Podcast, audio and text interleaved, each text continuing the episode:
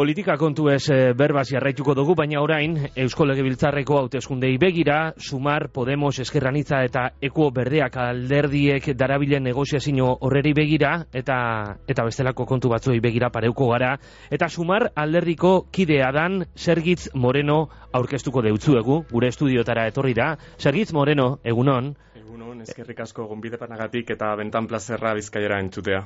E, Sergitz, e, sumar alderriko kideles e, aurkeztu zaitugu, sumar alderdia nahiko barria da, e, zelan heldu zara zu, e, sumar alderdira?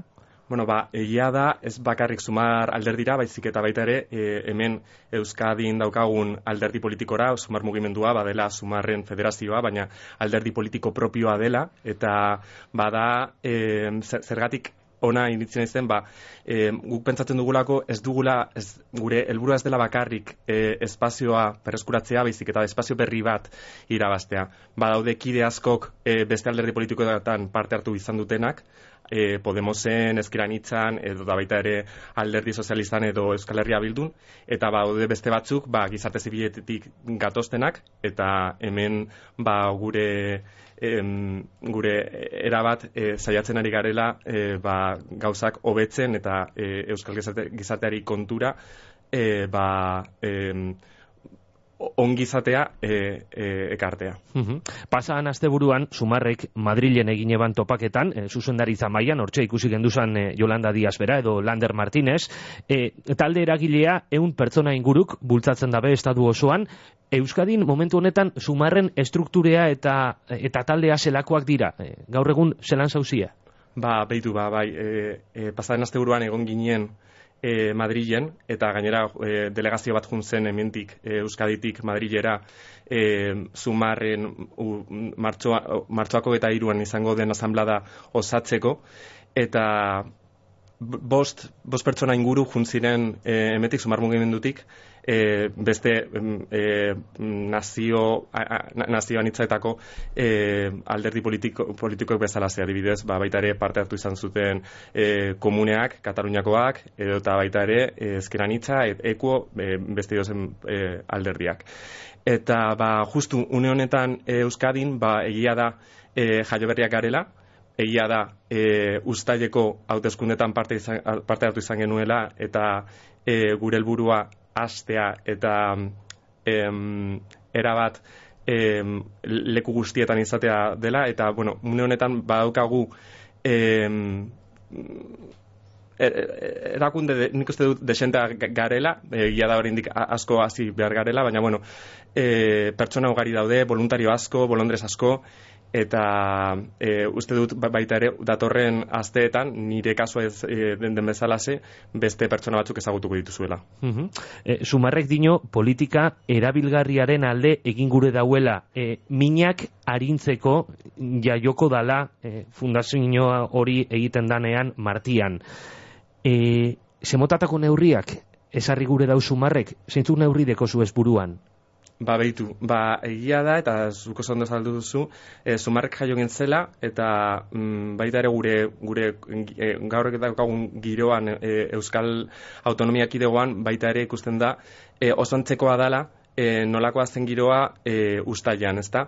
E, ikusi dezakegu adibidez ustaileko e, hauteskundetan suma, e, e, inkesta guztiak sumarreiri buruzkoa sumar aurkeztu horretik e, eskuinaren aldekoak zirela eta sumar aurkesterakoan e, aldaketa politikoa nabaritu eta lortu egin zela eta bueno, oin daukagu e, politika progresistak estatu mailan. Zein motatako politika ba, askotarikoak adibidez e, e, jardunaldi e, murrizketa, baita ere e, eta ikusi dugu langabezaren sorospena igotzea, gitxieneko soldata, e, feminista politikak e, denetarik.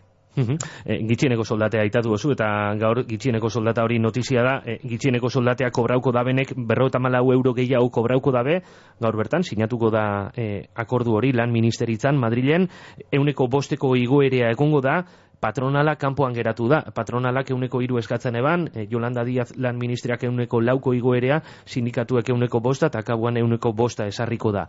E, guzti honeta, zer etxideko zu? Ba, ni pentsatzen dut, eta sumar, sumar mugimendutek pentsatzen dugu, ezin dugula astu nondik zen. Eta ia da, ba, e, euneko bost igoera hori, e, itzegitarakoan 2,5 milioi langilei buruz itzegiten nahi garela. 2,5 milioi izena zenak dituzten langilei buruz. Eta orduan ba, e, argi dago, ba, eta guk e, noski e, akordio batera iritsi nahi dugula guztiokin, baita ere patronalarekin, baina ezin ahaztu langilerien alde e, borrokatuko dugula eta hor ala jarraituko dugu.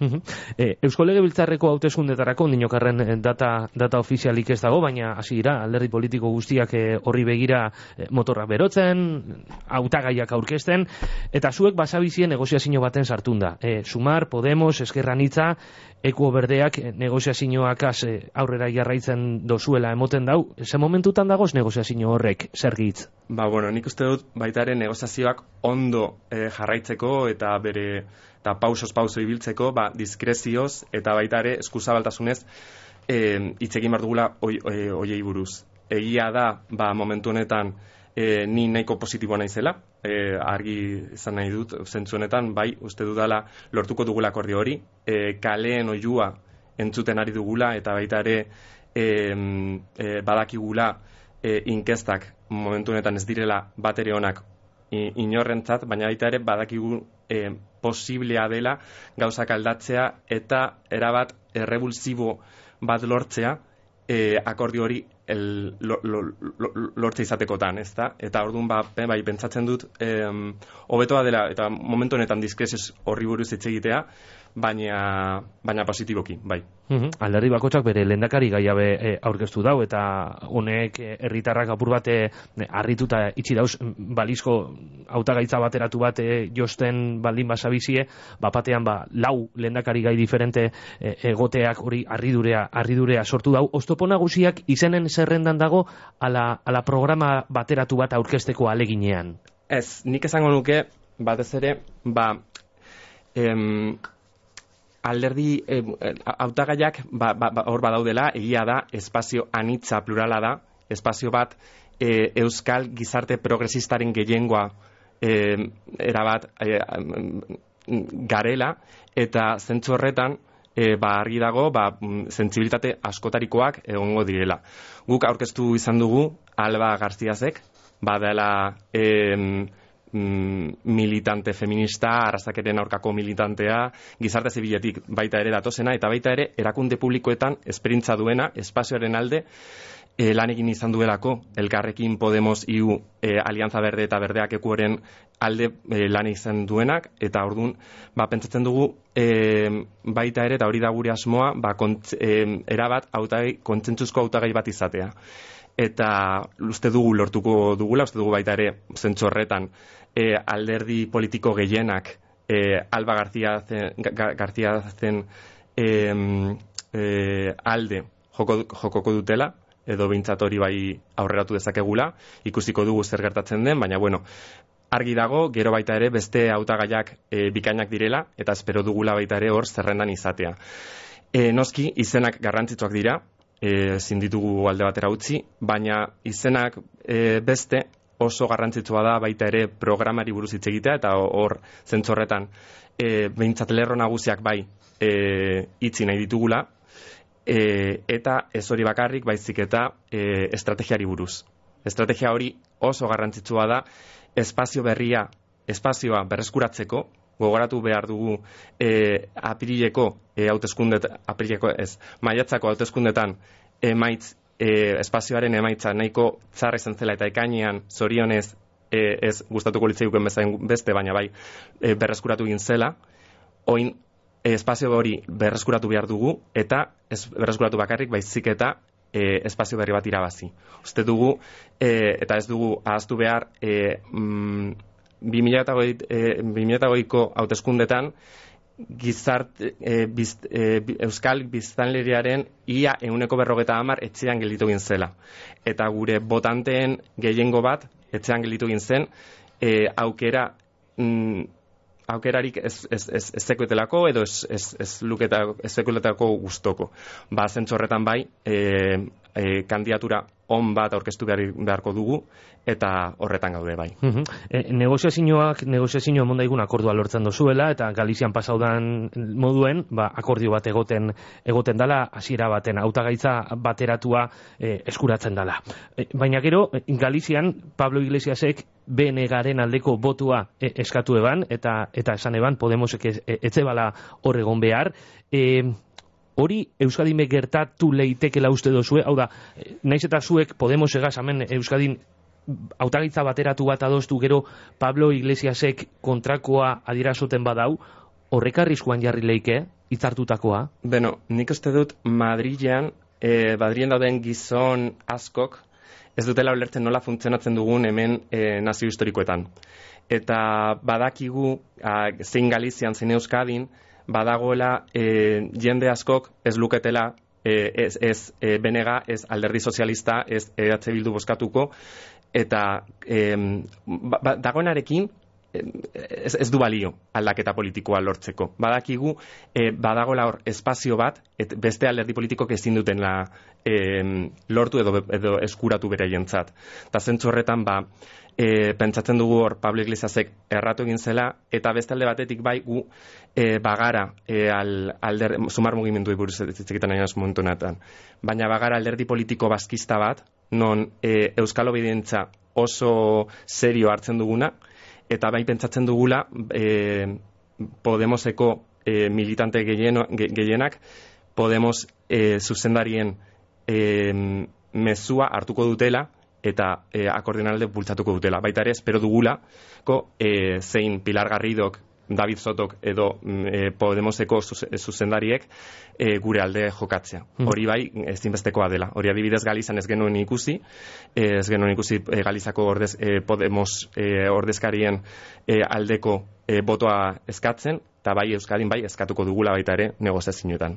Eta oinarriek gero zer esango dabe, ze Galizian akabuan e, Podemoseko oinarriek akorduaren kontra boskatu eben, Pablo Iglesiasek esandakoa e, entzun eta gero, e, Podemosek Euskadin daukasan e, oinarri horrek desbardin jokatuko dabela uste dozu? Bai, ni betatzen dut horregatik lehen ezaten ari, ari nuen ez, oso ondo e, azaldu, baina bai, e, adibidez gaitzen ez genuen ikusi, eh, Podemos le, le, le, Podemos lehendakari orde, ordeko zuzendaria, ez dakit zein den eh, koordinatzailea, ez dakit zein den justu izena, ez zuen kanpaina egin. Eh, nik uste dut hori negozazioetan egon behar dela argita garbi. Podemos Euskadik kanpaina egin behar duela e, bere militantziak, bere inskritoek, e, akordionen alde zin egiteko. Bestela, klaro, bakarrik, mezu guztiak negatiboak izatekotan, bargi dago, ba, ziurrenik e, ez zetza irabaziko duela. Baina ni esperantza daukat, uste dut baita ere hemen Euskadin badagoela e, akordiora iristeko e, kompromisoa, alderdi guztientzat, eta baita ere e, egia da ez da kontuan izan behar dugu egoela ez dela berdina. Galizian ez zeukaten e, ordezkapenik e, Galizako parlamentuan, eta hemen e, badauzkagu, badauzkagu, ba, ba, badauzkate momentu honetan e, zei e, legebiltzakide eta e, egia da, ba, pentsatzen dugula, ba, asko zerrazago izango dela akordiora iristea. Mm Zergitz, eh, amaitzeko, buelta hogait esan eh, Madrilera momentu baten, ze dekretuak izan ziren protagonista, orain dala azte bete gitsi gora bera, eta moten dau, dekretuak albo batera itxiko dirala, eta lege proposamenak bultzatuko dirala dekretuen ganetik. E, pornoaren sarbidea, gaztetxoei mugatzeko lege proposamena, azte honbertan ezagutu duguna, e, horren adibide gogoratuko dugu, Podemosek, e, Espainiako gobernuaren dekretu baten kontra, Eh, sumarreko Jolanda Diazek bultzatutako dekretu baten kontra boskatu ebala, bidea aurrerantzean lege proposamenetik joango da adostasunak topetako helburuagaz?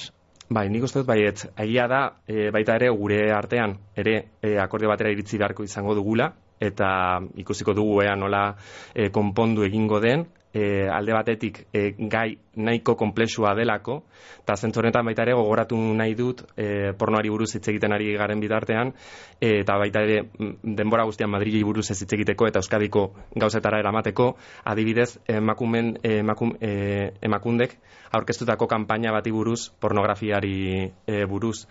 E, guk uste dugu e, noski argi dagoela e, pornografia industria erregulatu egin behar dela, argi dago baita ere e, babes borondate kolektibo bat egon behar dela e, nerbereak eta gazteak e, babesteko, baina gu ez dugu debekatzeile e, ikuspegi puntuarekin bat egiten, eta gure asmoa e, denbora guztian izango dela e, ez, e, sexu ezkuntza eta eziketa e, indartzea.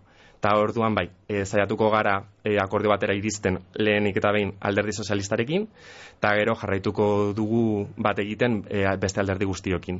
E, bai nahi dut, e, Podemos e, egindakoa e, pa, e, beste dekretuaren e, kasuan, ez zeukala zer ikusirik e, akordio akordio e, e, e, ez, ez iriz esterakoan, baizik eta Podemosek, oin ba, Podemos, estatuko Podemosak, ez da berdina Podemos Euskadirekin e, argitar bizan nahi dut, e, interes partikularrak dauzkate, eta e, zentzu horretan, ba, nik bere esan nahi dut, ba, e, jateko kontuekin ez dela jolasten.